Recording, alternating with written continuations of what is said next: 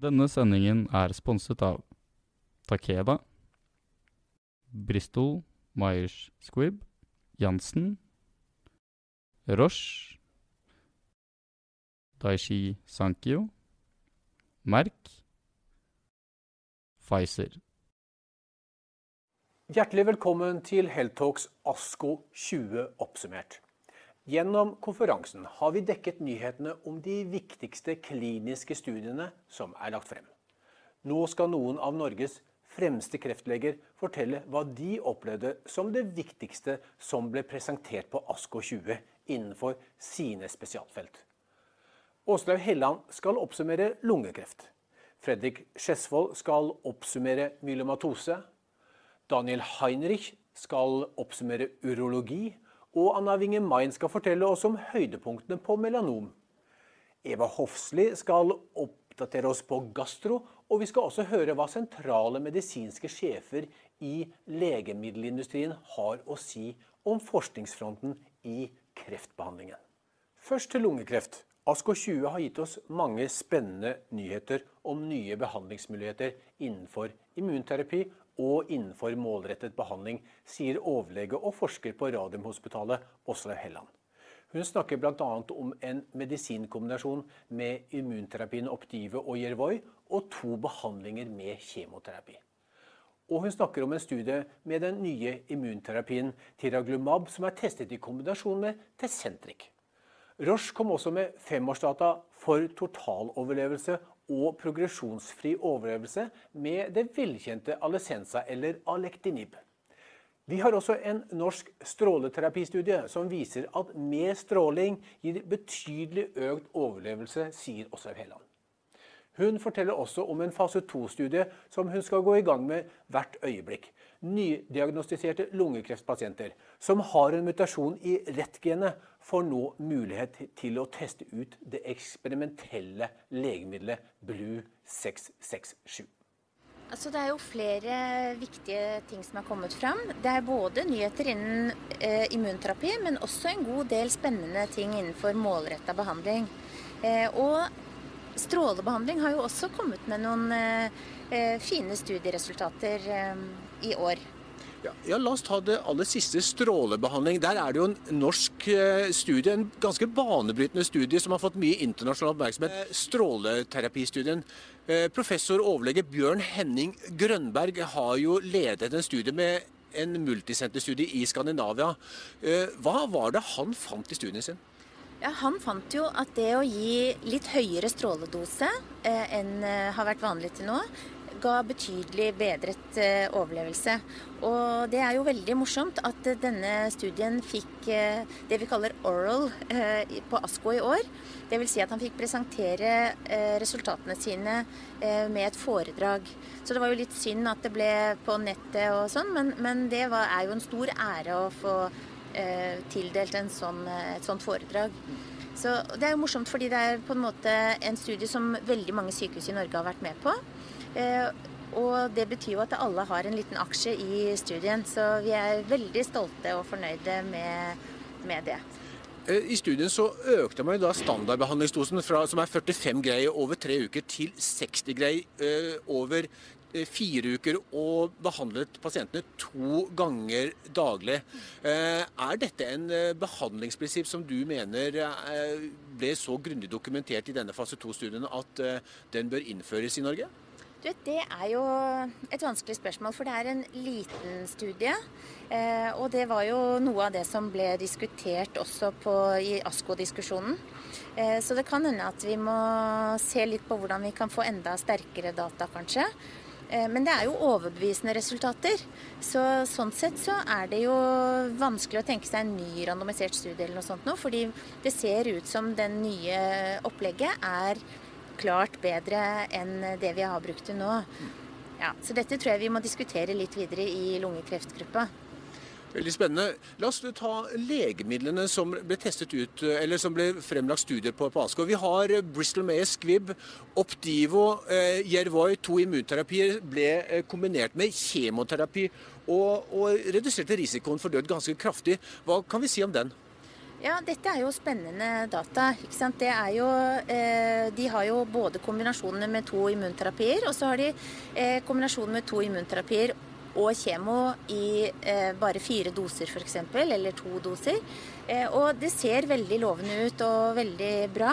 Eh, og så er det et problem med at eh, kontrollarmen ikke alltid er den kontrollarmen vi bruker i dag. Sånn at det er litt vanskelig å tolke data mot det som er standardbehandlingen i dag. Ja, og Det er jo litt interessant at vi ser på de fleste studiene som du nevner, så er kontrollarmen den handler egentlig om medisin og, og en metode som er på, mange måter utgått. At uh, utviklingen går så fort innenfor dette forskningsfeltet og, og at, at kontroll, kontrollarmene ikke klarer å holde tritt. Mm. Nei, men Det er et viktig poeng. og Samtidig så skal vi jo være veldig glad for det. Da, at det er raske framskritt for denne gruppa pasienter som jo trenger det. Eh, men det, er, det, det, fører av og til til at det er vanskelig å tolke resultatene. Eh, ja, det er helt riktig. Så, så, har vi Roche, som også er en av de store innenfor dette lungekreftfeltet. De, de kom med en, et nytt legemiddel, eh, Tiraglumab, som er helt, et eksperimentelt immunterapi. og som da ble, ble, testet sammen med det velkjente Tecentric. Hva var det denne studien viste?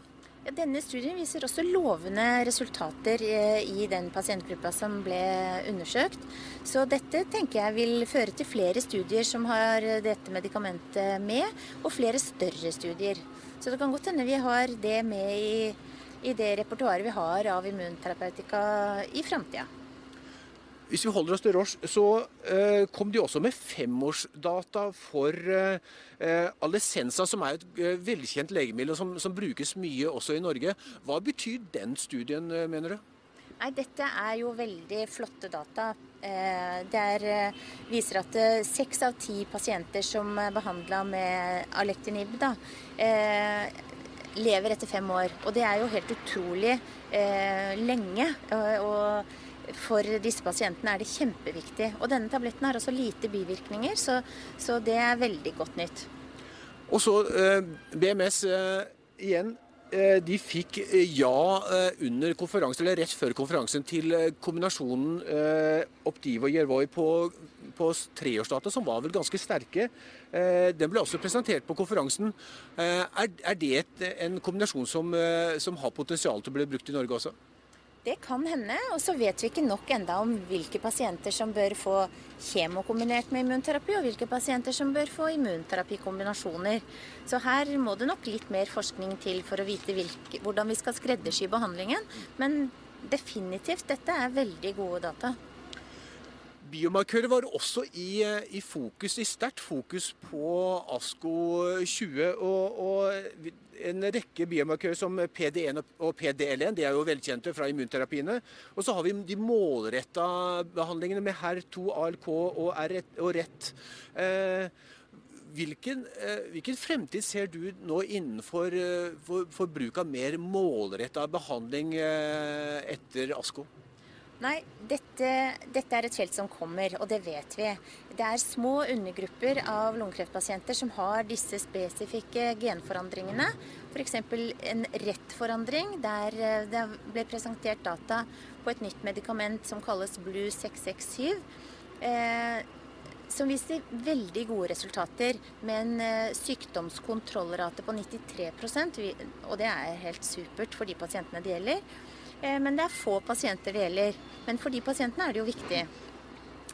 Eh, vi skal eh, med, vi skal være med på en klinisk studie med akkurat dette medikamentet som starter snart. Så vi, er, vi var veldig fornøyde med å se på de gode resultatene som ble presentert nå på ASKO.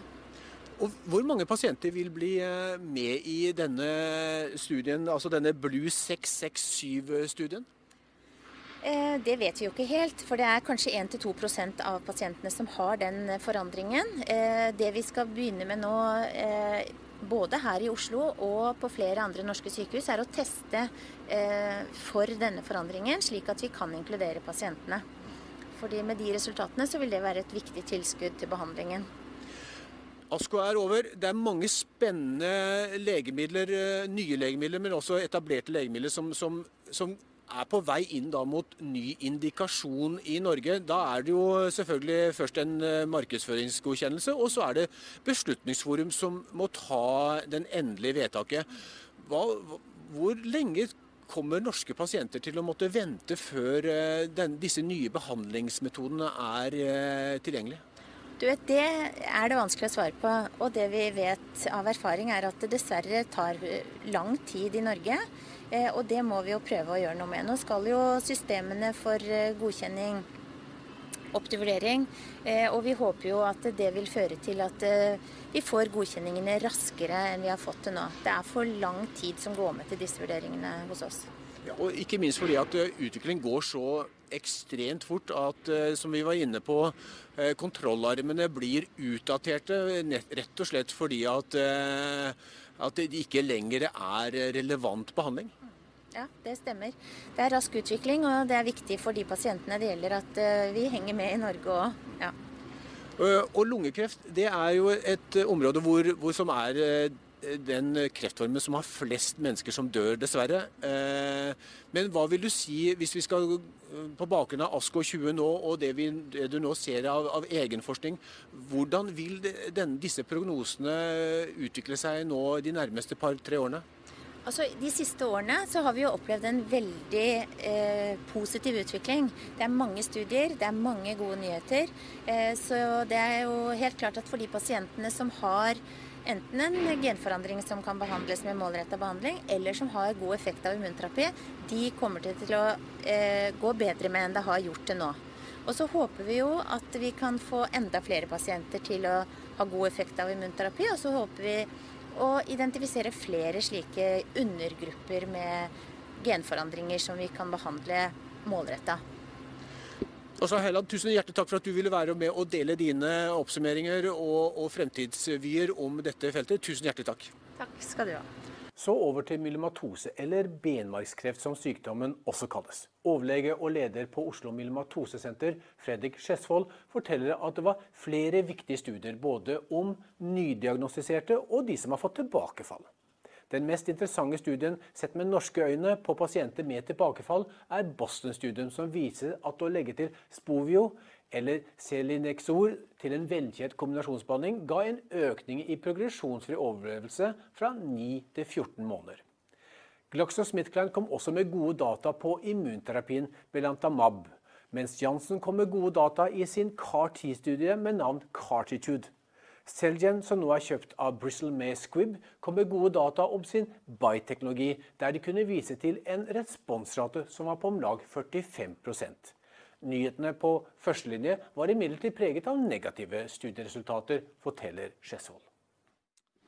Det var flere interessante data både i førstelinje og i tilbakefall. I eh, førstelinje så var var det litt prega av negative studier. Eh, Bl.a. Endurance, en amerikansk studie som sammenligna KRD med VRD i unge pasienter.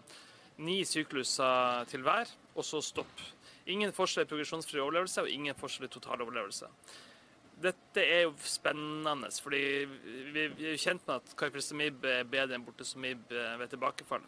Men jeg tror problemet er at studien hadde en begrensa eh, tidslengde på behandlingen, så de stoppa etter ni sykluser. Mens de gode resultatene fra fase 2-studier på KRD i førstelinje er mye lengre. Så det gjør vår studie Kobra, som vi gjør sammen med Norden, eh, veldig spennende. Der vi sammenligner KRD mot VRD med et lengre forløp. Eh, ellers var det to studier på elotuzumab, et monoklonalt antistoff, eh, tillegg, som tillegg til VRD, som begge var negative.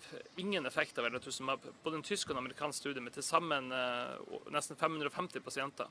Så det er på en måte utelukka en effekt av elotuzumab i førstelinje som et tillegg til, til VRD. Det var oppdaterte data fra Stamina, som er en studie som så på bl.a. tannlemtransplantasjon.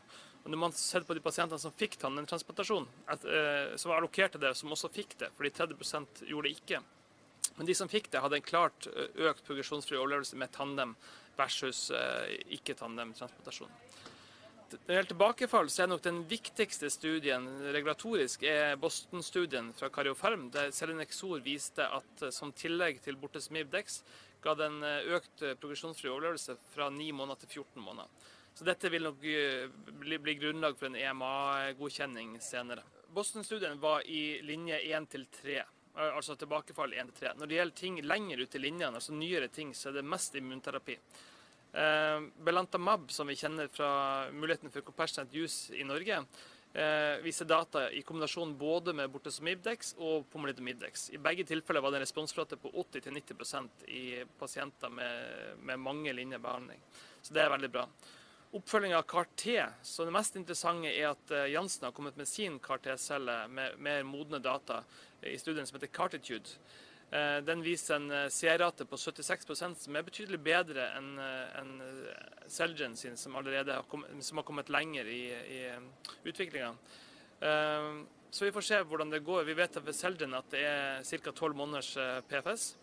Mens Jansen har bare kommet litt litt kortere, men etter seks måneder så er det 93% som fortsetter progresjonsfri. Eh, når det gjelder den såkalte BITE-teknologien, så hadde, kom Selden med oppdaterte data på sine, sine pasienter der. Eh, 128 pasienter og en responsrate på ca. 45% som er bra i en så sen, sen fase av myelomatosepasienters eh, behandlingslinje. I tillegg så kom den siste selvmoden, altså etterfølgeren til alle imidene. Eh, en som heter CC93240, hvis jeg ikke husker feil. Eh, som eh, også har en responsrate på rundt 45% i veldig gjennombehandla pasienter. Eh, peroral eh, og ser veldig bra ut. Vi snakker med overlege og leder i Norsk onkologisk forening, Daniel Heinrich. I denne samtalen trekker han særlig frem to studier. Først Spartan fase 3-studien som viser at Erleada forlenger livet med 14 måneder til pasienter med ikke-metastatisk kastrasjonsresistent prostatakreft. Deretter går han gjennom Javelin Bladder 100-studien, som fant at pasienter med metastatisk blærekreft som fikk immunterapien Bavencio etter platinumbasert kjemoterapi, økte levetiden med 7,1 måneder. Det høres kanskje ikke så mye ut, men det er en 50% økning i overlevelsen, sier Daniel Heinrich. For en pasientgruppe med dårlig prognose er dette veldig gode nyheter.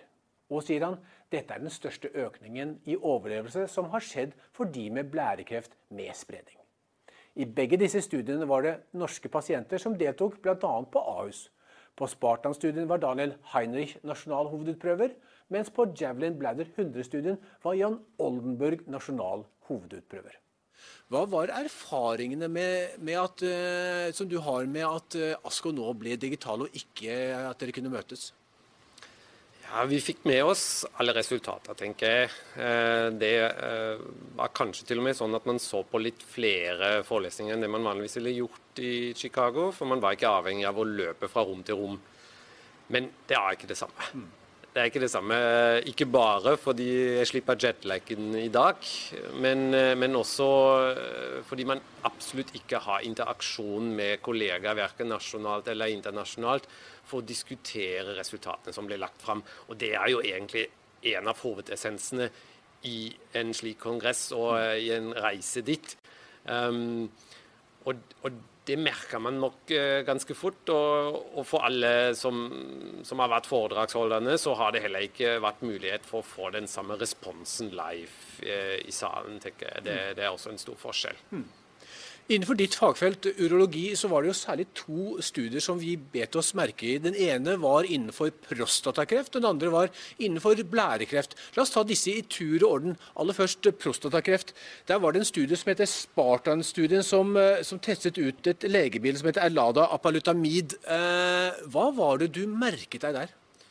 Spartan-studien, som eh, for øvrig også Norge deltok i, det testet altså det nye legemiddelet som heter apalutamid eh, innenfor ikke-metastatisk prostatakreft. Ehm, det var for så vidt ikke nytt at studien var positiv. De resultatene hadde vi allerede.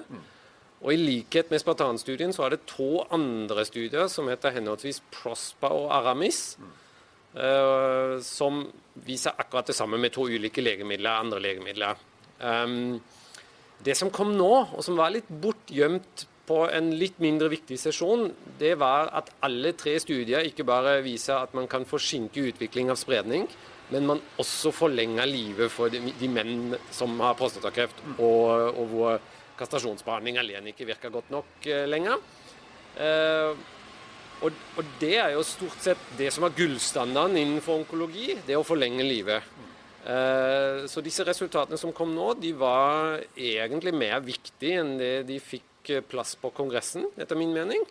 Um, og så blir det jo da ganske viktig å se om vi etter hvert også får lov til å bruke disse medikamentene i daglig klinisk praksis, for det har vi ikke i dag. Mm. Så jeg kommer litt tilbake til det, Daniel.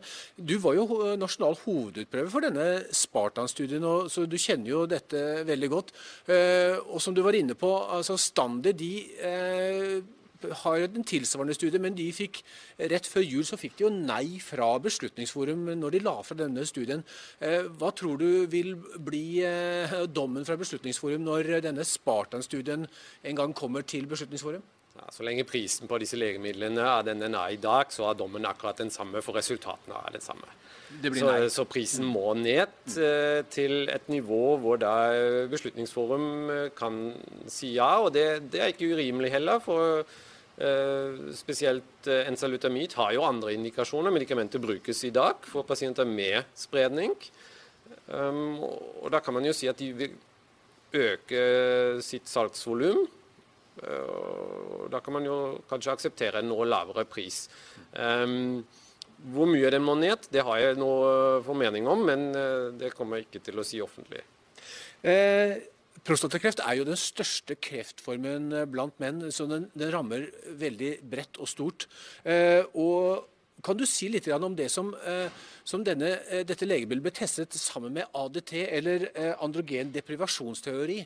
Unnskyld, androgen deprivasjonsterapi.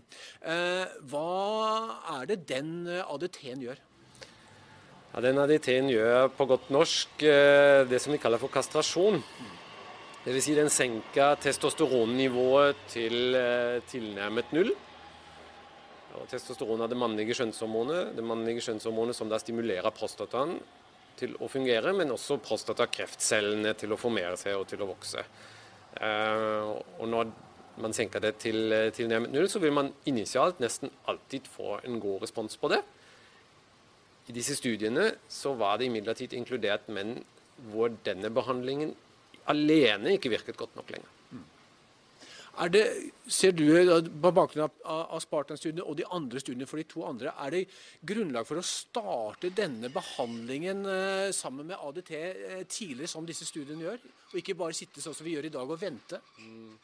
Det, det, er definitivt slik at den behandlingen, eller disse tre medikamentene, eller ett av de tre, det skal vi anbefale for nøyaktig de pasienter som var inne i disse studiene. Og Det betyr at de har Stigende PSA-verdi unna ADT-behandling, så ADT kommer først. Og den PSA-stigningen den er relativt hurtig også, eh, med en dobling sånn på rundt fire måneder i snitt var det i disse studiene. Det betyr at, eh, at det er ikke for alle som går på ADT fra før, nei. Men vi ønsker gjerne å bruke det på de vi mener det er riktig for. Mm. Så du tenker at uh, denne studien vil være vesentlig å, å, som et viktig argument for dere klinikere til å kunne argumentere for, for dette, dette, produktet eller for denne behandlingen inn i klinikken? Vi ønsker å bruke det, og vi ønsker å ha muligheten til å velge ut pasientene etter faglige kriterier. Mm. Uh, og, og, det innebærer at da, da må vi ha en ja fra Beslutningsforum Eh, før dette kan gjøres eh, bredt i, i, daglig klinisk praksis i Norge. Så har vi da en, en studie til da innenfor blærekreft. Eh, en industrifinansiert studie finansiert av Merck og Pfizer i, i sammen, som testet ut Avelumab, eller Bavencio som, som merkenavnet heter. Hva var det denne konkluderte med? Ja, Det ble testet i en uh, pasientgruppe som vanligvis har relativt dårlig prognose. Det er pasienter med blærekreft og spredning. Uh, og de hadde fått uh, cellegift først. og hvis den cellegiften hadde fungert, da fikk de enten Avilumab eller nettopp ikke. Og Da ser man at den gruppen som får det medikamentet i etterkant av cellegiftbehandling, de har så mye som syv måneder median overlevelsesgevinst. Dette er veldig mye i en, en pasientpopulasjon som fra før av lever 14 måneder, altså en 50% økning av overlevelsen. Um, og, og, det er den største økningen vi har sett innenfor blærekreft, i hvert fall for pasienter med, med spredning som dessverre ikke kan bli frisk. Uh, og, og, dermed er det jo innenfor urologisk onkologi helt klart det mest oppsiktsvekkende resultatet på, uh, som, som, ble lagt fram på denne kongressen. Så dette legemiddelet det ble jo da testet ut på, på pasienter altså som en førstelinjebehandling. Dvs. Si at de, de, fikk det sammen med cellegift. Normalbehandlingen er vel i Norge slik at man venter først cellegift, og så venter man til eventuelt kreften da kommer tilbake. Eh, er det gode argumenter, mener du, i henhold til de studieresultatene, å starte med immunterapi sammen med cellegift? Absolutt ikke, for det er ikke det som ble testet. Eh, det er en såkalt frontline-behandling, som i hvert fall presentatoren Tom Pauls kalte det for. Men det er viktig å påpeke at alle fikk cellegift først. Ikke sammen med Avelumab. Og kun de som hadde god effekt av cellegiftbehandling, de gikk videre i forskningsprosjektet. Så de som ikke hadde noen effekt av cellegiftbehandling, de var ikke med engang. Eh, og, og, det ser ut til å være den riktige strategien enn så lenge. For disse studiene som, som er designet som, som du uh, skisserte, med cellegift pluss immunterapi til å begynne med, de er ikke ferdig analysert ennå. Og foreløpig så har vi ingen signaler på at de gir like stor gevinst. Så her er det en pasientseleksjon som bidrar til at gevinsten er så stor. Dette er jo også en av de store kreftformene i Norge. Hvor mange liv tror du kan spares dersom denne, denne form for behandling gjennomføres? Vi snakker vel ikke om at vi kan spare liv, for dette er pasienter som ikke blir friske, dessverre. Og, og de lever noen måneder lengre med denne behandlingen. Eh, totalt sett så vil det jo da bli en del kvalitetsjusterte leveår som vi kan eh, vinne både for den enkelte og, eh, og selvfølgelig da i summen også for samfunnet. Eh, men som med de fleste situasjoner hvor man gir immunterapi i en setting der det foreligger spredning, så har vi ikke sett at noen av disse pasientene blir friske av det, dessverre. Dette er jo også en studie som dere på Ahus har vært eh, sterkt involvert i. Som, slik at Dere da kjenner jo dette produktet og denne pasientgruppen vel. Vil, vil, du si litt hvordan dere har jobbet eh, i denne studien? Ja, det er min eh, kollega overlege og professor dr. Oldenburg som har vært hovedutprøver for dette prosjektet i Norge. Sånn at vi har fått bekjentskap med medikamentet og, og, i den settingen gjennom de siste årene. Um, vår erfaring er vel omtrent sånn som det ble lagt fram i presentasjonen også. Det er noen pasienter som har meget langvarig effekt av det, andre hvor det relativt raskt uh, allikevel uh, kommer noe tilbakefall. Um, men til sammen uh, for begge grupper er at, det går litt bedre med dem enn hvis man hadde startet samtidig med cellegiftbehandling, for da har man ikke selektert ut de dårligste pasientene ennå. Du er jo eh, leder i Norsk onkologisk forening, og vi kommer jo selvfølgelig ikke unna det å trekke frem en norsk studie som også fikk betydelig oppmerksomhet eh, på ASKO. Det er eh, studien til Bjørn Henning Grønberg, som var en skandinavisk multisenterstudie, men hvor veldig mange da, norske kreftleger innenfor lungekreftområdet deltok. Hvor viktig vil du si denne studien er? Ja, Den fikk mye oppmerksomhet, men egentlig for lite oppmerksomhet, eh, hvis du spør meg. Eh, den hadde fortjent eh, hovedsesjonen, og, Bjørn Henning hadde definitivt fortjent å stå live på scenen og få responsen fra salen når han legger fram disse resultatene. Um, nå er ikke jeg lungekreftspesialist og skal overlate det gledelig til Norsk lungekreftgruppe å trekke konklusjonene av hvilken betydning det får for klinisk praksis. Men ehm, jeg vil si så mye hvis, eh, hvis, det hadde vært et legemiddel som de hadde testet da, og som da viste altså 19 måneders forskjell i overlevelse for en pasientgruppe som ellers har ganske dårlig prognose, da hadde det vært den nye blokkbasteren, og, og alle forsider av avisene hadde vært full med det. Så hva, hva, tror du eh, kommer nå til å skje? Vil eh, en, en eh, publisering i et godt internasjonalt tidsskrift kunne klare å veie opp for noe av den manglende publisiteten man fikk på Asko?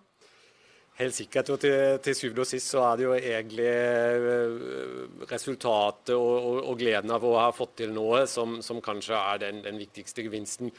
allikevel, det å stå der på podiet og, og i det øyeblikket få reaksjonen fra alle som sitter i, i publikum, det, det, får man ikke igjen. Um, når, når, det er sagt, så, så tenker jeg at det er en fordel med at dette ikke er et legemiddel som blir testet her, nemlig, nemlig istedenfor et annet strålebehandlingsopplegg enn det man eh, til nå har valgt. Og det er at også innføring vil kunne gå nå mer smidig og ukomplisert. Eh, for man trenger ikke gjennom beslutningsforhold. I alt en veldig spennende ASKO faglig sett, sett med norske øyne og sett med urologøyne. Er det slik vi kan konkludere, Daniel? Det kan vi konkludere med. Uh, og allikevel håper vi alle på å kunne reise til Chicago igjen neste år. Neste stopp er melanom. Her har vi fått med oss overlege Anna Winge Main. Hun har fagansvar for malignt melanom ved avdeling for kreftbehandling på Radiumhospitalet. Hun forteller oss om sentrale studier innen behandling av føflekkreft. Hun snakker ikke minst om en lovende fase 2-studie som heter Prado-studien, som testet ut neoadjuvant behandling med immunterapi, der terapien altså gis før operasjon. Pasientene fikk to sykluser med nivolumab og ipilimab som neoadjuvant behandling. Jeg tror denne behandlingen om noen år kan endre behandlingspraksis i Norge, sier Winge Mind til oss. Norge i Norge ble det lov til å starte adjuvant behandling med immunterapi først i august 2019.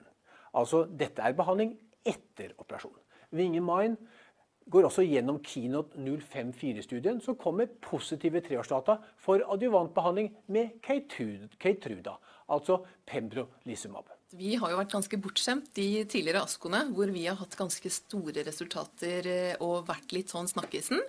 Eh, og det kan jeg vel si at det var vi ikke i år. Det var ikke de helt store resultatene som kom i år, men vi fikk gode eh, langtidsoppfølgingsdata både adjuvant og i metastatisk setting. Og så kom det jo også noe som jeg syns er veldig spennende. Det er jo dette med neoadjuvant behandling. La oss ta først nyheten på neoadjuvant eh, behandling. Eh, fortell aller først, eh, hva er det? Ja, Neadjuvant, altså Adjuvant behandling det er jo da en tilleggsbehandling man får når man er operert. Og så får man medisiner i tillegg for å prøve å forhindre at man får tilbakefall metastatisk, da har man jo sykdom i kroppen og prøver å behandle den sykdommen som er der, som man ikke klarer å operere ut. Men når det snakkes om neadjuvant behandling, da er det slik at man har oppdaget en eh, metastase. Og den er da ofte en lymfeknutemetastase. Typisk for malignt melanom så er den da i, i aksillen eller i lysken. Og så gir man medisiner før man gjør noe som helst. Så man gir medisiner først, og så opererer man. Og så eventuelt adjuvant i tillegg. Det er neadjuvant. Og Hvilke typer medisiner er det man da gir uh, i forkant? Det man har forsøkt uh, mest med nå, det er jo da uh, immunterapi i form av sjekkpunkthemmere.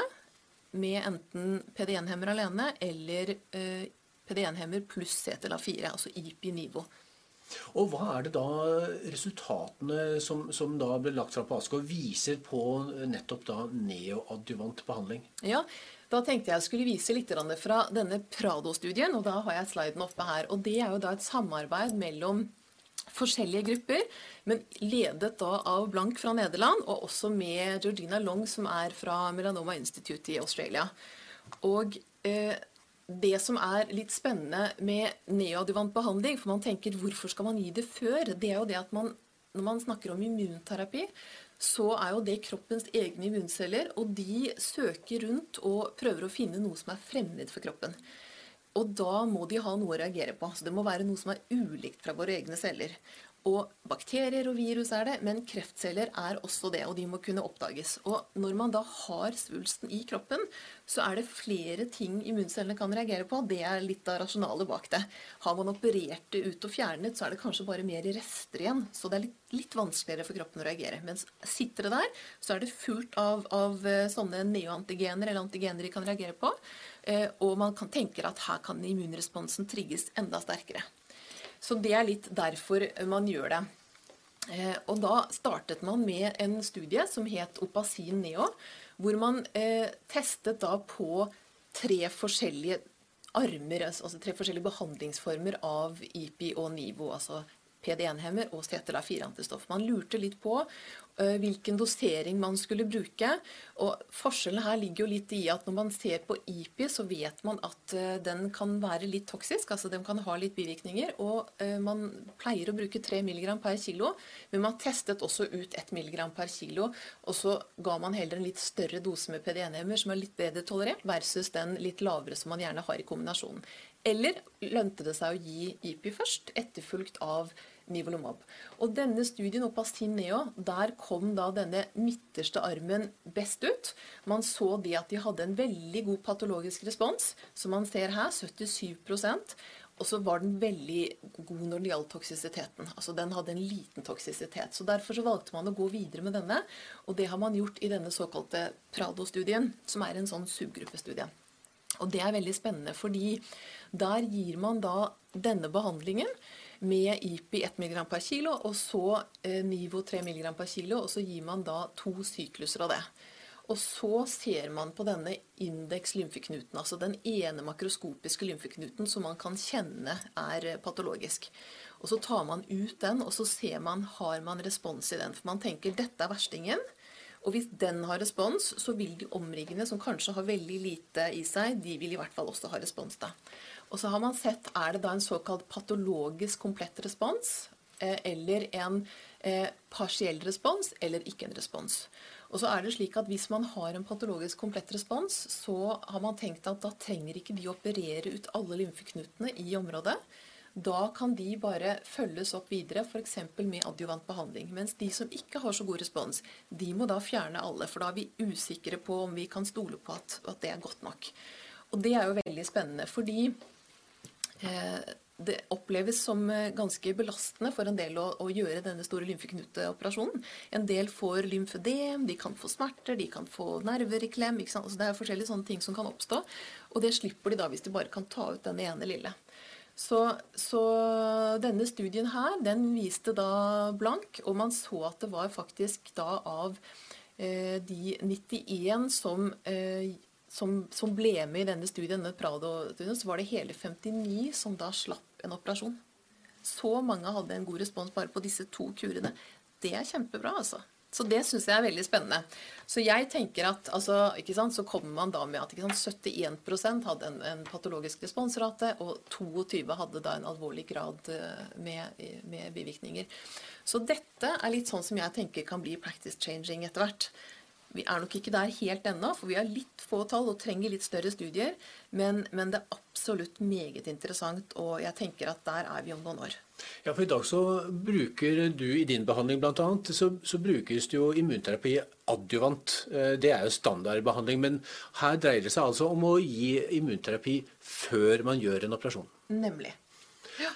Uh, hvis vi går litt inn på det som er adjuvantbehandling, da, hva, var det noen nyheter uh, i ASKO der?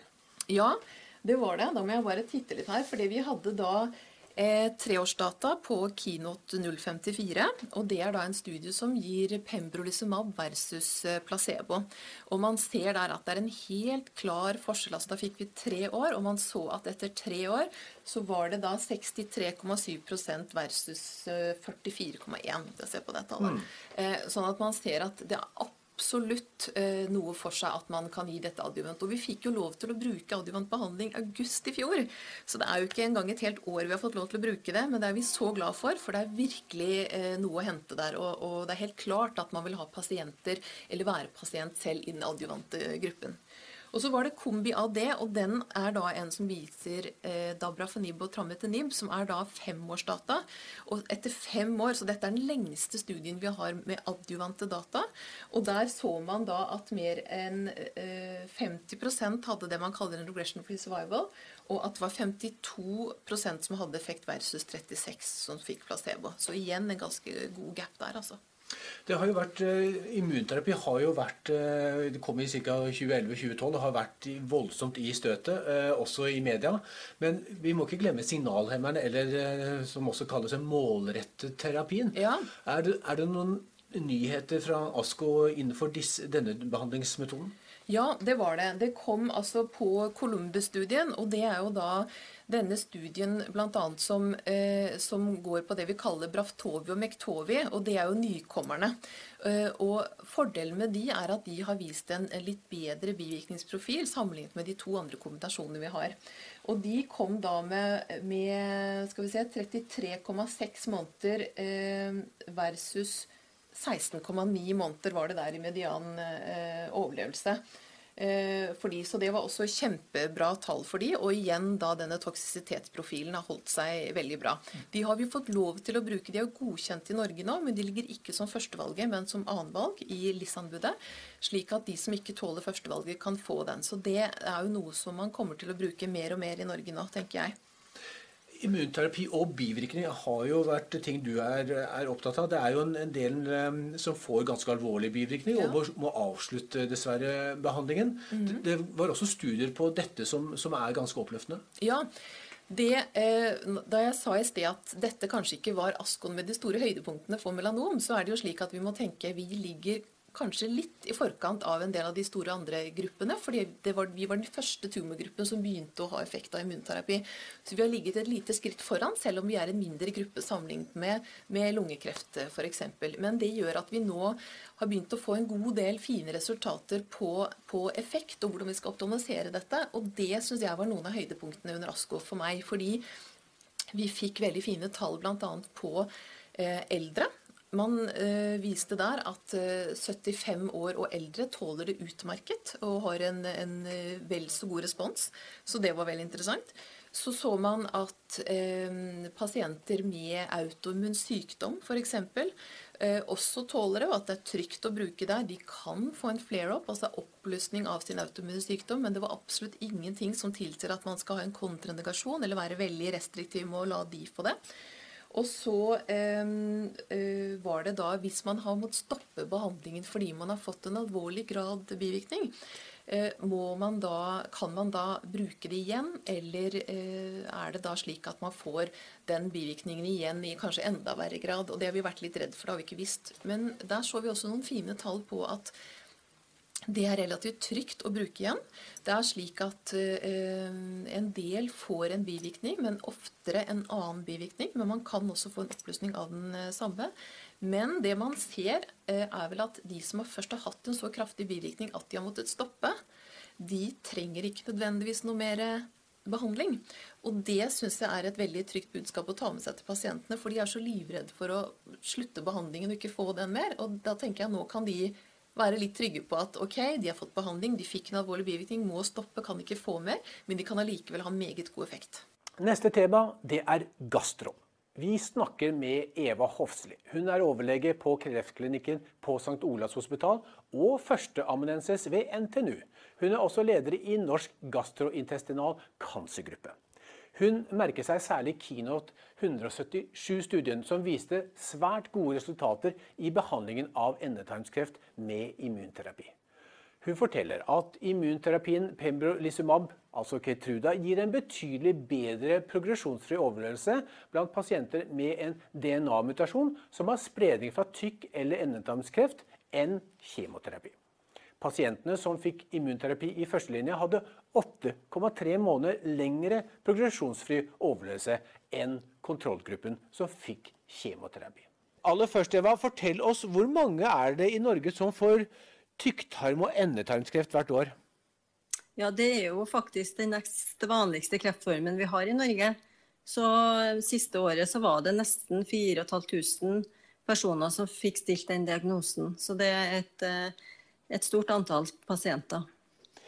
Og, og, På ASKO så ble det lagt fram en veldig eh, stor og spennende studie. Der var det eh, et, en immunterapi, pembrolizumab, som, eh, som hadde en, en, en, oppsiktsvekkende god effekt for pasienter med spredning. Kan du fortelle hva denne studien fortell, sa oss?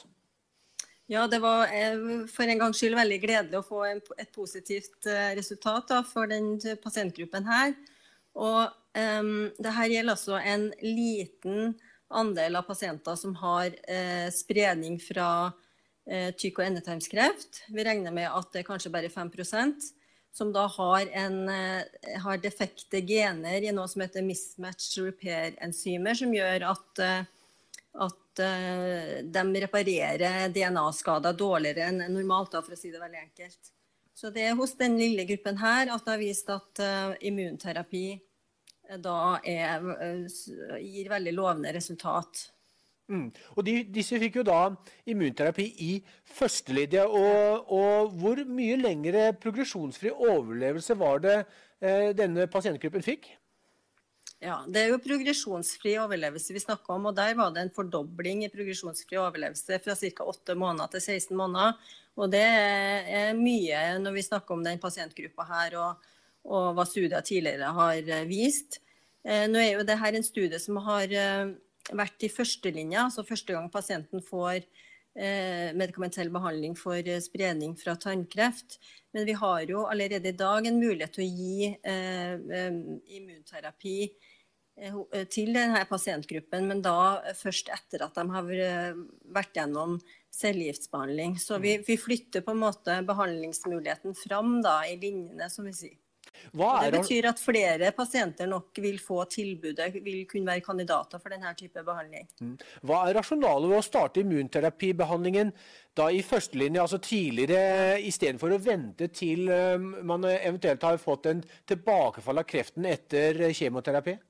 Ja, Det er et godt spørsmål, men det er sånn at eh, hvis vi først har anledning til å gi det her i andre linje, så vet vi det at en del eh, pasienter ikke kommer i posisjon fordi de er for dårlige eh, rett og slett til å få eh, behandling i andre linje. Sånn at det vil da være flere pasienter som vil være kandidat for behandling i første linje.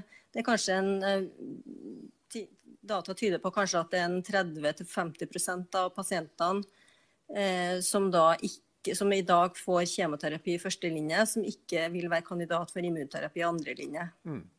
Nå var jo denne immunterapien her den, Det jo, ble jo bare testet på en gruppe som du sa, som hadde en, en, en liten pasientgruppe av totalen med tykk- og endetarmskreft som har en DNA-forandring.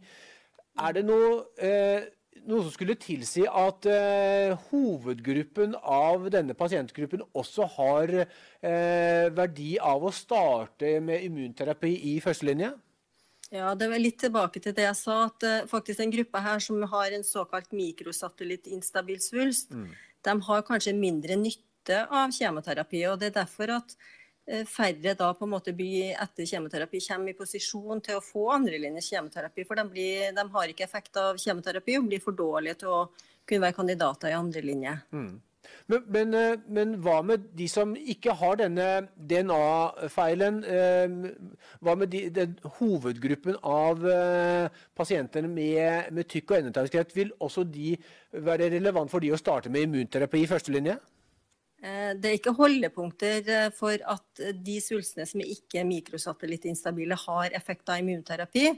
Men det gjøres jo mye forskning på å se om såkalte da kalde svulster, som vi kaller det, kan bli varme svulster, altså ha, da, ha nytte av immunterapi ved å, å kombinere immunterapi med f.eks. Eh, cellegiftbehandling. Og Der pågår det jo studier i Norge i dag som skal prøve å, å, å se om det er en mulig farbar vei mm, for den store pasientgruppa. Ja, som du var inne på, Eva Hofsli, så, så, så, er jo dette en pasientgruppe som, som har jo stort medisinsk udekket behov. Eh, når denne studien foreligger, så betyr jo ikke det nødvendigvis at eh, pasienter eh, normalt vil få tilgang til eh, en sånn type behandling. Men hvordan vil du nå, hva tenker du med de pasientene du, som du nå har, som har denne mikrosatellittinstabiliteten? Eh, mm. Vil du eh, tilrå at de bør behandles på normal, på, på, med, med, immunterapi i førstelinja? Ja. Eh, det skal vi diskutere på eh, et gruppemøte som vi har i NGCG neste uke.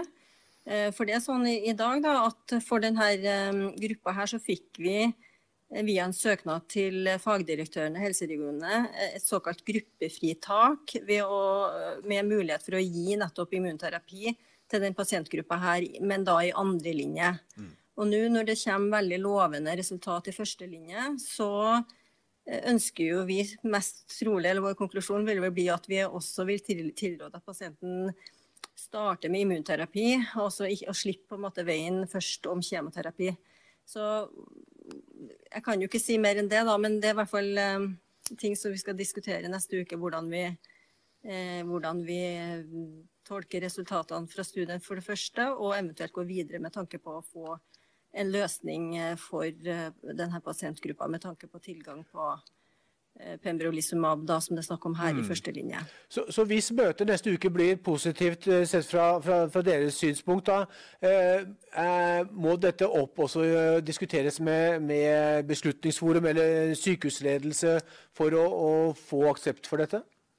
Ja, altså vi, vi, har jo ikke lagt helt strategien. Et alternativ vil jo selvfølgelig være å søke om eh, gruppefritak på nytt, mm. men å flytte behandlingen opp i førstelinje. Eh, hvis ikke det går, så har vi jo i dag også mulighet for å søke vår egen fagdirektør for å få benytte eh, et medikament som eh, ikke nødvendigvis brukes for denne pasientgruppen. Men det beste vil jo være selvfølgelig at vi får en løsning som gjør at alle pasienter i Norge med MSI-svulst får det samme tilbudet. Mm.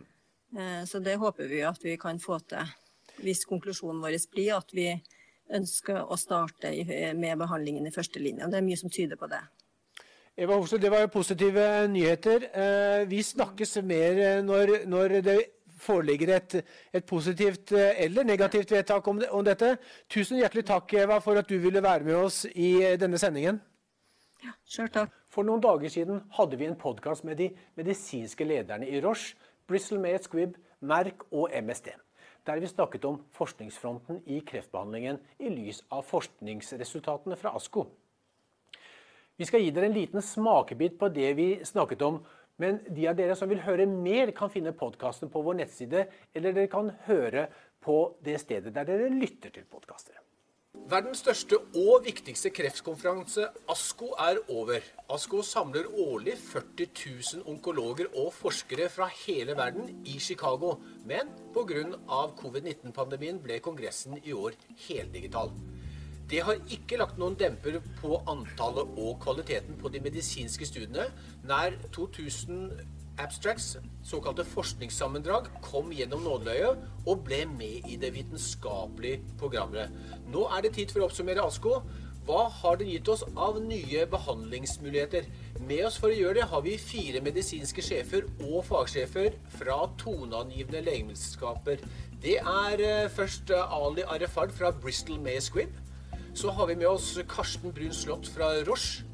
Fra MSD har vi med oss Knut Martin Torgersen, og ikke minst har vi med oss deg, Steinar Thoresen fra Merk. Hjertelig velkommen til dere alle.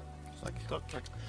Bjørn Henning Grønberg han presenterte jo en banebrytende norsk studie innenfor uh, småstillet lungekreft. Mm. Uh, og han, uh, Det var jo valgt ut som en av hovedattraksjonene i ASKO. Han måtte jo da selvfølgelig som alle andre presentere digitalt. Mm. Ellers så hadde han sittet i en sal med kanskje 5000-6000 kolleger ja. eh, som hadde ja, Kanskje de hadde nesten reist seg og klappet for resultatene. Hva, hva sier du til det? Nei, altså Jeg kan bare bekrefte det som Ali sier. altså Det er klart, det å være på ASKO det er på godt norsk en sånn whole body experience. Mm. Eh, hvor du på en måte, Det er en høytrykk-setting eh, hvor du egentlig både får data, du diskuterer, du føler litt på kroppen. Uh, og du får den der intense sparringen. Og, særlig selvfølgelig når du står og presenterer, som ikke jeg har gjort, men som da han ville gjort. Det er en unik opplevelse, og det er ikke ofte man får sjansen til det.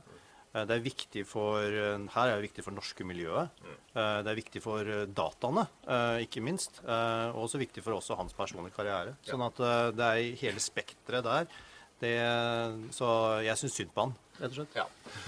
ja, ellers det jeg savner også ved å ikke være til stede i Chicago, bortsett fra en god amerikansk steak, er at, at, du har møter med leger, med forskere, snakker om nye, ja. nye studier, uh, nye ja, spennende forskningsprosjekter. Så det, det savner jeg òg, at vi ikke har hatt den muligheten. Også her komme i kontakt med våre globale kolleger og, mm. og, og sette også ja, bygge et nettverk uh, med, med, forskere og med, med våre globale kolleger fra, fra hovedkontoret. Mm. Så det, det, har jeg savnet i år. Ja. Eh, Steinar Thoresen, du uh, har jo vært mange ganger på, på Asker, vet jeg. Hvor mange har det blitt til slutt? Mm, det har jeg mista tellinga på, men det er, det er nok tosifra. Det er et godt tegn. Ja, ja. Eh, hva, hva, tenker du? Satt du og så på, på den digitale presentasjonen? Ja, det, jeg gjorde nok det. Det var jo pinse og sol. Eh, men, men, som eh, Ali sier, så følte man jo seg litt sånn ensom ja. når man satt foran sin skjerm på hytta og, og fulgte med uten å ha kolleger eller eh, andre å snakke med. Men på den annen side så tror jeg eller det skal bli spennende å se tallene, der, hvor mange som som virkelig har sett presentasjonene. For vi har litt erfaring fra en del andre kongresser at det er faktisk flere mm. som får med seg ting når det er digitalt, enn som har anledning til å reise. Så det er oppsiden av det. At det kanskje ja. det når flere. Altså nyhetsfloven ja. eh, vil eh, kunne dekkes av flere i og med at det er eh, digitalt. Ja, det er, litt demokratiserende. Ja, at det ikke det er bare overlegene og de som mm. har lang ansiennitet eh, på sykehusene, som, som, har mulighet til å følge presentasjonen. Man har jo sett en tendens til at de som reiser, er seniorene. Mm. Eh, altså Hvis vi snakker om akademia eh, og sykehusene. Men, men, digitale løsninger kan åpne for at nyhetsfloven også når flere eh, leger. Mm. Men det... kommer man tilbake til disse gigantiske konferansene. altså Som jeg nevnte innledningsvis, 40 000 eh, kreftleger og industri er samlet på, på, på et, noen få korte dager i Chicago. Tilsvarende i andre store konferanser, som ESMO, som ble nevnt. Det er en kjempestor risiko for arrangører. Uh, tror dere at, at det, det, blir mer komboløsninger med digitalt uh, og skråstrek konferanse? Ja, jeg tror det. Jeg tror det blir uh, ikke bare det, men jeg tror måten vi arbeider på. Mm. Jeg så i dag at Telenor-sjefen sendte brev til alle ansatte at de kunne jobbe hjemme herfra til evig tid. Mm. Så, så det, klart, det, blir endringer i måten vi arbeider på som vi må, må, må justere. Men, men, men, man er jo redd for den fysiske kontakten, at den blir borte. Da. Det er noe med interaksjon og bli kjent, eh, lav terskel på å ta kontakt, som kan bli, eh, bli borte i dette. Mm. Og det er et eller annet når du putter folk i et rom. Ja. Og som Karsten nevnte, altså, det er veldig viktig, for vi ønsker jo å bringe våre aktører i kontakt med våre eh, topp, toppmiljøer. ikke sant? Og det skjer fysisk i et rom på ASKO. Så det er enormt mange møter som settes opp for å diskutere studier, ideer, konsepter. Uh, og, og det, det, er alltid det er menneskelige relasjoner her òg, ikke sant. Uh, mm. Men jeg tror helt klart at man uh, har lært ting nå, og, og, og plattformene mm. vil, vil, være der, så man vil nok ha en annen dynamikk. Men jeg håper jo at man fortsatt vil ha fysiske møter. Ja, ja. Det som blir veldig synlig på ASKO, og for så vidt også ESMO og AACR hvert eneste år de siste årene, det er at utviklingen går mot å starte behandling mye tidligere mm. og presisere den mye tidligere. Og det man lærer egentlig av, er jo de eh, fra de studiene som har vært i avansert setting, altså metastatisk setting, eh, der man gjør fase 3-studier, og så gjør man masse translasjonelt arbeid der. Finner eh, elementer som kan på en måte eh, ses på tidligere fase. Og så kan man da designe smartere studier tidlig, slik at man kan kanskje da fange opp riktig pasientpopulasjon i en tidligere fase, f.eks. en adjuvant, neoadjuvant setting. Mm.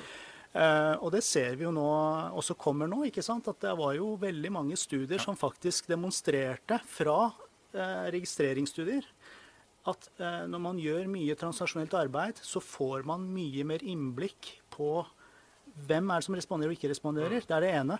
Og ikke minst de som responderer. Det er en heterogenisitet der også som man må finne fange tidlig. Mm. Og Ja, og, og, så det er en viktig trend, tenker jeg. Å gå tidligere, behandle pasienter tidligere med immunterapi og bli flinkere til å finne ut de som, som kan ha en god respons.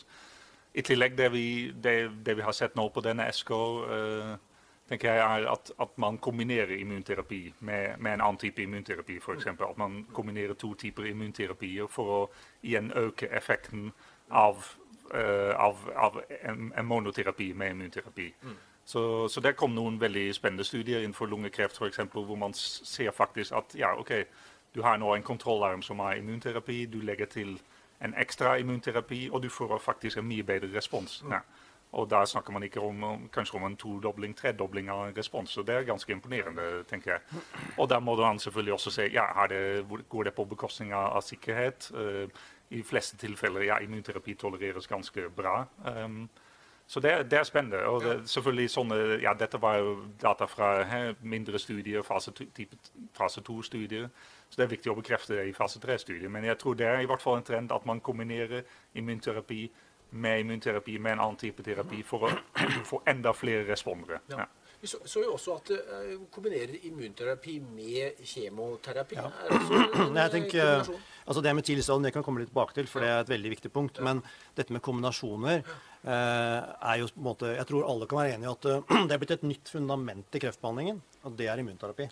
Eh, fordi vi har oppdaget at vi kan reaktivere og igangsette immunaktiveringen mot, eh, mot, eh, mot tumor. Da. Så eh, kombinasjoner skjer på mange plan. Det skjer, kan, du kan godt kalle det klassiske kombinasjoner. Dvs. Si kjemoterapi og stråling. Eh, Stråling tror jeg alle er klar over at det ligger et stort potensial der. Kanskje det som Bjørn Henning Grønberg og de publiserer, eh, kan være et element i det. Og gi clou på hvordan man eh, best mulig kan utnytte stråling igjen i kombinasjon med, med immunterapi. Kanskje, da, kanskje til og med spesifikt på småcellet lungekreft, som, som er en utfordrende ting. Men det å finne den kombinasjonen som løfter eh, tumorer som, kall, som vi kaller kalde, som kanskje ikke har det immunsvaret, til å gi et immunsvar. Men også styrke, sånn som Karsten sier, altså at du, går, du, du hever responsatet, du hever eh, nytte. da, eh, I tillegg når du kombinerer. Men det er det å finne den der synergieffekten. Ja. Um, og det er veldig logisk når man tenker på hvordan immunterapi funker, at hvis du tar kjemo eller stråling, så dreper du celler, du gir antigenfrigjøring, som igjen kan trigge immunsystemet. ikke sant? Uh, men det å finne den riktige kombinasjonen her, det er ikke gjort sånn. Så der jobbes det ekstensivt. Eh, og i tillegg så er det dette å kombinere med målrettet behandling, som vi nå har allerede indikasjoner på i nyrekreft f.eks., hvor man eh, både da kan eh, reaktivere immunsystemet på ene siden og angripe tumoren på den andre siden samtidig. ikke sant? Sånn at eh, Hvordan få dette samspillet til å fungere. Så det, det jobber alle med. Så hvis jeg forstår det riktig, immunterapi det, det er sjekkpunkthemmere mot PD1 og PDL1. Det er de to uh, Og, og ZLA4. Ja, Og CTLA4, helt riktig. Eh, Det er riktig. Det var Jim, Jim Allison som fant det. Ja. Uh, Så, så må man lete etter disse biomarkørene hos pasientene og teste de genetisk for at det skal være relevant å gi de eh, den immunterapi? Eller er det som du sier, Steinar, bør man være mer uh, håper å si, liberal og, og gi medikamenter til også de som ikke nødvendigvis har uttrykk for to, eh, eller de tre markørene på, på, på kreften sin? Det, resultatene spriker jo litt, da, men man, man ser jo store studier hvor eh, immunterapi har effekt for hele studiepopulasjonen, uavhengig av eh, status på biomarkøren. Men, men hvor man ser at det er sterkere effekt der biomarkøren er til stede, f.eks. Så jeg tror det fortsatt er en vei å gå. og og, og lære seg eh, mer om pasientene. Og i tillegg, når, vi da snakker om eh, tilleggsbehandling som signalhemmere, altså andre typer, og kjemoterapi, så blir det enda mer komplisert. Så, eh, så dette betyr jo at um, eh, pasientgruppene blir enda smalere, men med kanskje større effekt. da. Men vi har f.eks. et godt eksempel i lungekreft, da, hvor de som er negative for markøren, har en god effekt når du kombinerer immunterapi med kjemoterapi. Så, så, så på en måte man må akseptere prøve å, det at det er en synergi der. Det er et sam, samspill Mm. som gjør at man faktisk får, eh, får dette immunsvaret i gang. Da. Og, og ser man litt historisk på det, f.eks. på brystkreft, da, som var noe av det første hvor man liksom fant en østrogenreseptor, progestomreseptor, etter hvert herceptin osv., så, videre, så så var man jo blinde ganske lenge. Og man hadde jo helt eh, ikke de store effektene før man fant markørene.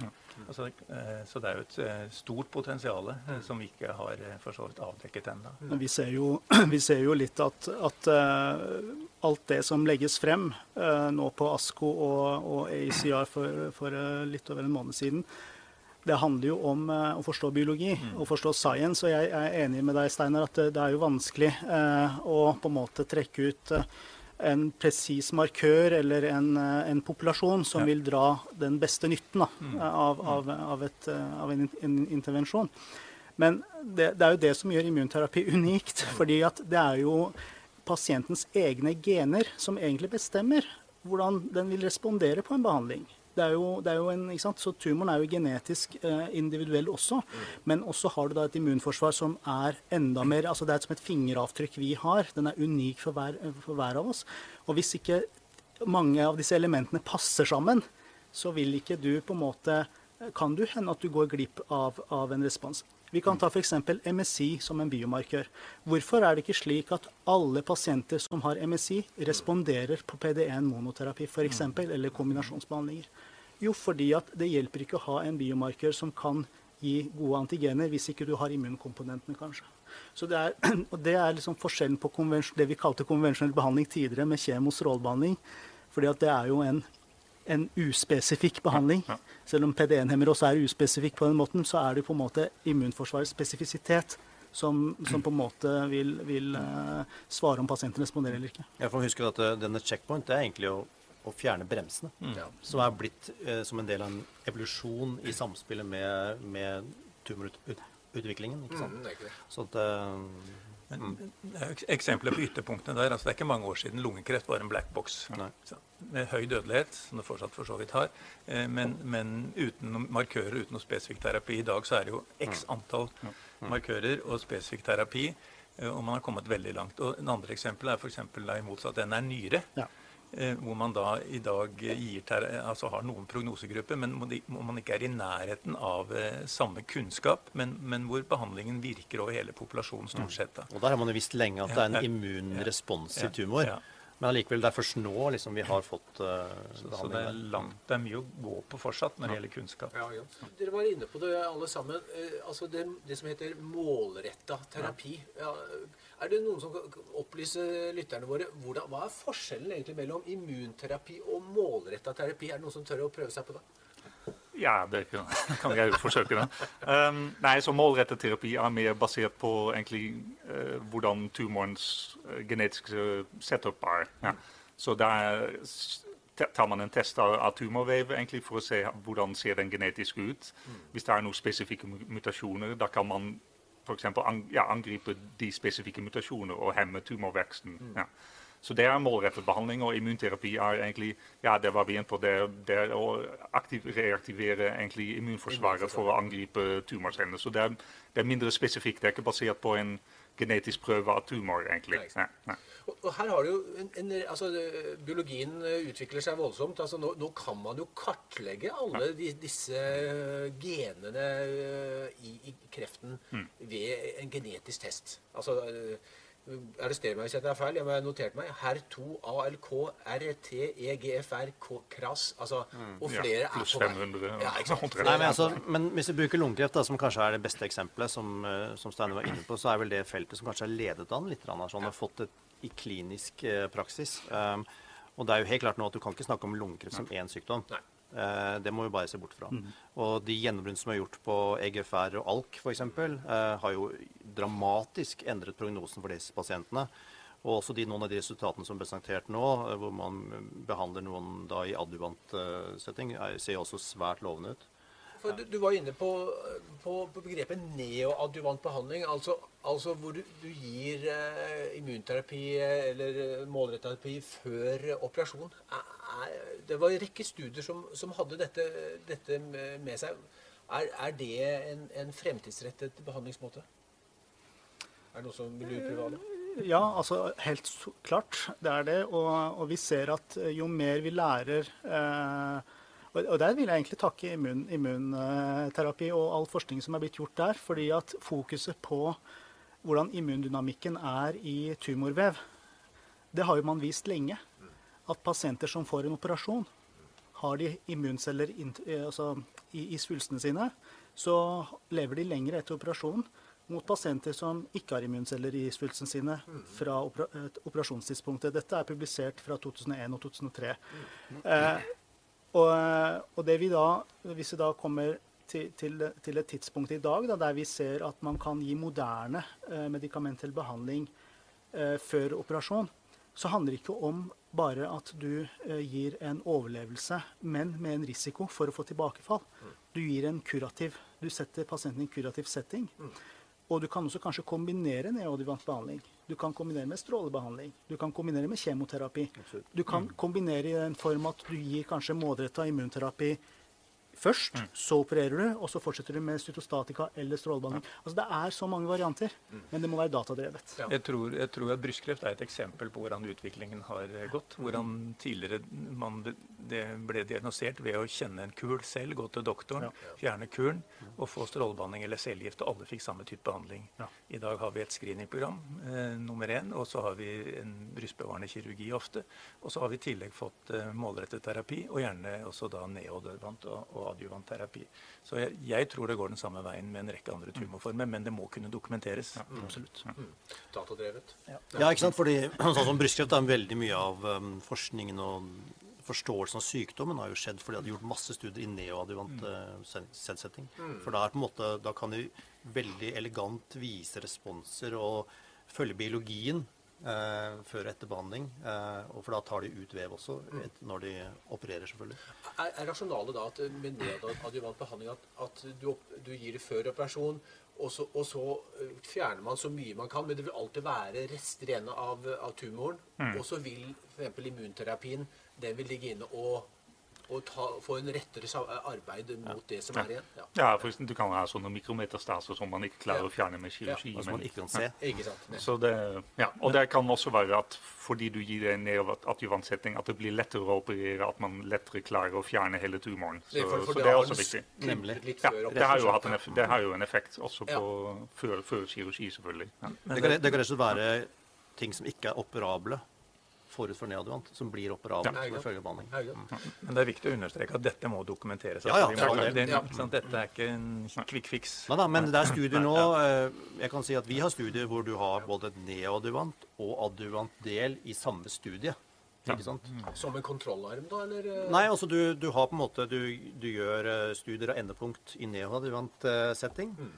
Så har du operasjonen, og så gjør du endepunktsvurderinger også i adjuvant mm. som en følge av behandling. Så det, det begynner å bli ganske komplekst, men jeg tror dette er retningen. Så ta Beslutningsforum, for det er jo egentlig det, det, vi, som, det egentlig det i stor grad det gjelder for denne type medisin, altså innenfor sykehusene. Eh, nå, nå er jo eh, vi, ser jo av internasjonale sammenligningsstudier at, at Danmark bl.a. og en del andre europeiske land er jo opptil to år raskere til å gi refusjon, og slik at pasientene kan raskere få tilgang til medisinen. Nå er Beslutningsforum til evaluering. Hva, hva, er rådene som dere vil gi til eh, helseministeren eh, for hvordan eh, man skal få et system som tar bedre vare på pasientene, men samtidig også tar vare på statsfinansene? Mm. Det var jo et kolossalt spørsmål. Det, det skal evalueres. Da. Men, men, men, sånn som vi opplever det, så er det vel eh, flere ting. Det ene er liksom det store spriket mellom f.eks. onkologenes entusiasme etter ASKO med ta i bruk og realiteten i Norge, som mm. betyr et år eller to, eller kanskje ikke. Ja. Så Det er jo den verden vi lever i. Eh, men, men eh, vår erfaring Det ene er jo at ting tar for lang tid. Og det, altså Prosessen tar for lang tid. For å få et svar, det er, det er helt åpenbart. For oss som har regionale ansvar, så ser vi jo hvor fort det går i en del andre land. Så, så det er en helt uforståelig lang tid det tar. Og det andre er nok eh, altså bedømmelse av endepunkter og, og, forholdet mellom gruppeeffekt og effekt på, på individet. Altså en, en, større forståelse på persontilpasset medisin eh, i forhold til det med gruppeeffekt. At man ser seg blind på det. Men det er mange andre aspekter av det, men det er to ting som, som springer ut ganske fort. Ja, jeg tenker også det For å få ny behandling raskere til pasienter um, Systemet per i dag er ganske rigid. Uh, ja, Vi var jo litt inn på endepunktene som ble akseptert, hvor man ofte legger vekt på ja, ok, vi vil ha total overlevelse før vi kan gjøre egentlig en ordentlig helseøkonomisk vurdering. Så jeg tror der har man mulighet til å være mer fleksible, kanskje gi en betinget eh, refusjon, eh, hvor man samler inn nye data, hvor man jobber sammen med Kreftregisteret for å se på eh, kan vi samle inn overlevelsesdata fra norske pasienter mens de får behandling. Eh, og hvis det ikke viser en effekt, ok, da kan man selvfølgelig gjøre noe med, med med den uh, refusjonsvurderingen. Um, så jeg, jeg, savner litt den fleksibiliteten nå uh, i ja. systemet. Ja. Og som Steinar sier, ja, det går jo på bekostning av, av mindre studier i Norge. Vi, vi, har jo problemer da å, si, å, å, å, gjøre Norge attraktivt som et land hvor man vil legge kliniske studier. Og, og det er jo et ønske fra regjeringen. Alle ønsker flere studier. Eh, og det er jo viktig for pasienter, for leger, for, for oss òg, å samle inn data. Men, eh, men, da må man også ha et system som, som, tar i bruk nye legemidler, nye innovative legemidler raskere. Ja. Og Det er rett og slett for at protokollene ikke kan gjennomføres, fordi behandlingen ja. er ikke til stede. Ja. ja. Okay. Vi snakker om fleksibilitet, og vi snakker om, vi snakker om nye ordninger. Det er klart at Du kommer ikke til nye ordninger med mindre det er arena for å samarbeide. For å komme frem til et system eh, som på en måte tilfredsstiller både statskassa og, og eh, innovasjonspotensialet og, og verdien til, til nye behandlinger. Eh, det, det, er kjempeviktig å huske på. Og, og, Parallelt som ASKO gikk nå, så, så, sendte jo eh, NASA og SpaceX eh, sin første ferd til eh, internasjonale romstasjonen. Og det var så interessant å følge litt med på det faktisk, parallelt med ASKO. Fordi at når disse politikerne som hadde kjempet for å få dette til, snakket om hvordan de fikk det til, det handlet, det handlet, rett og slett om privat-offentlig samarbeid. Ja.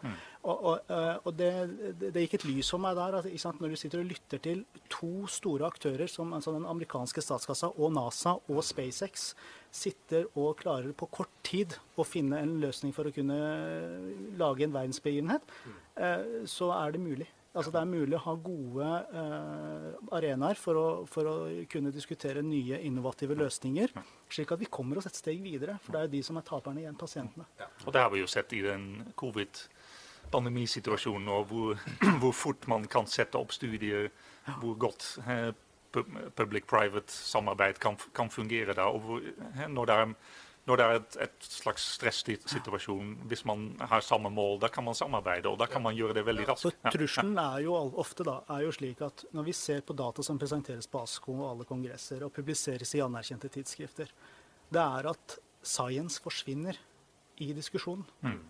Og da blir det lite verdi om du har OS responsrate, Altså Poenget er at diskusjonen dreier seg om noe helt annet igjen. Mm. Og det er en kjempetrussel for vitenskapen. Ja. Og det, det, også handler om uh, hvordan man skal investere i nye kliniske studier. Hvor mye skal man legge til? Og når vi snakker om komparatorarm, så er det slik at på det tidspunktet studiene starter, så er jo det en gjeldende komparatorarm, komparatorarm i majoriteten av de globale landene som studiene skal gå i.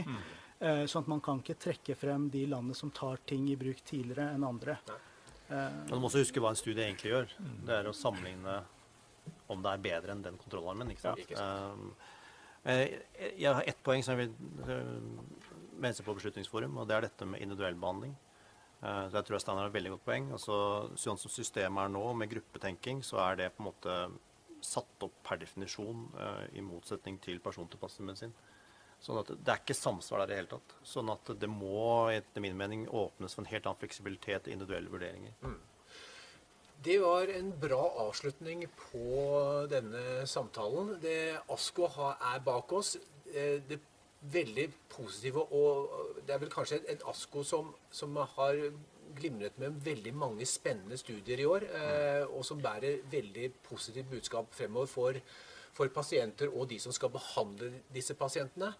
Eh, tusen hjertelig takk for at dere ville være med oss og oppsummere dette. Ali Arifard fra Bristol May Squibb, tusen takk. Eh, Karsten Brun Slott fra Roche eh, fra MSD.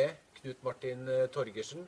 Og også Steinar Thoresen fra Merk. Hjertelig takk for at dere kom. Takk for at dere kom.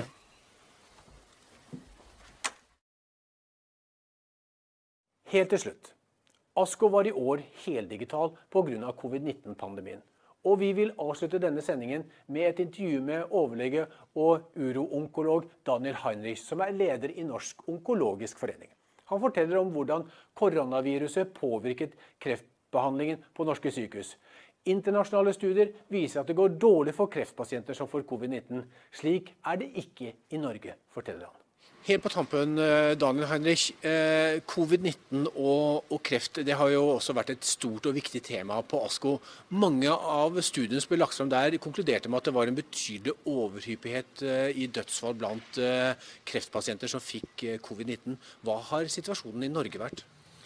Ja, det er riktig som du sier, det, det, var det inntrykket man kunne få når man, når man så på de resultatene som ble lagt fram der. Og, og samtidig så så var metodene kanskje ikke eh, verdens eh, tryggeste, eh, for å konkludere med det.